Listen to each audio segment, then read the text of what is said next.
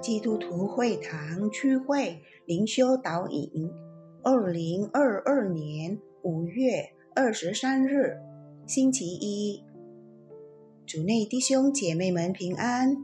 今天的灵修导引，我们要借着圣经罗马书第八章十四到十七节来思想今天的主题：赐生命的灵。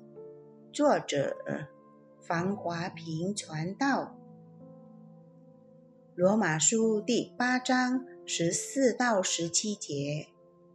因为凡被神的灵引导的，都是神的儿子。你们所受的不是奴仆的心，仍旧害怕；所受的乃是儿子的心。因此，我们呼叫。阿巴父，圣灵与我们的心同证，我们是神的儿女。既是儿女，便是后嗣，就是神的后嗣，和基督同作后嗣。如果我们和他一同受苦，也必和他一同得荣耀。我曾经探访一位丈夫未信基督的会友，我借着此机会传了得救的消息，他拒绝了。他也不让我们以他生病为理由来为他祷告。我和我的太太仍然为这位先生祈祷。好让圣灵感动他的心，来回应在这次探访之前所传给他的福音。我相信，只有圣灵才能改变，并蛮有能力照亮被罪捆绑的心。两个月过后，这位会友联系我说，她丈夫要相信并接受耶稣。我满心感谢神，按照神旨意恒切的祷告是不会突然的。在圣灵的大能帮助下，感动并打开这位先生的心，来回应曾经传给他的福音。在今天的灵修经文中，保罗说。一个生活在律法之下的人，会与耶稣基督的真理冲突。律法不会也不能改变一个人的性格，更不用说改变一个被罪玷污的人的看法啊！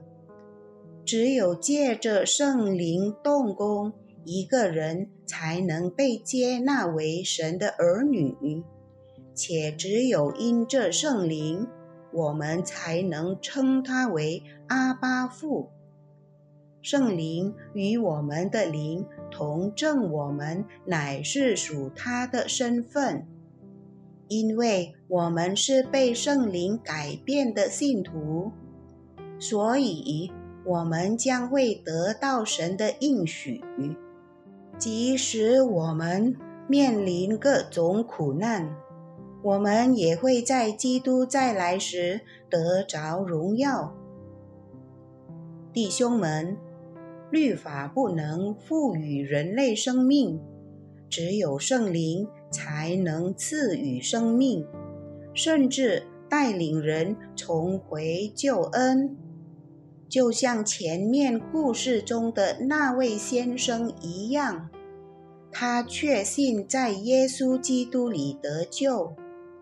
他终于从死亡的刑罚中得释放，圣灵赐给他新生命的力量，最终带来永生。感谢赞美神，让我们生活在圣灵的带领下吧，好让我们的生命能影响他人。圣灵的工作。不能被有限的人的力量所限制。他的工作能改变任何一个难以改变的人。主耶稣赐福。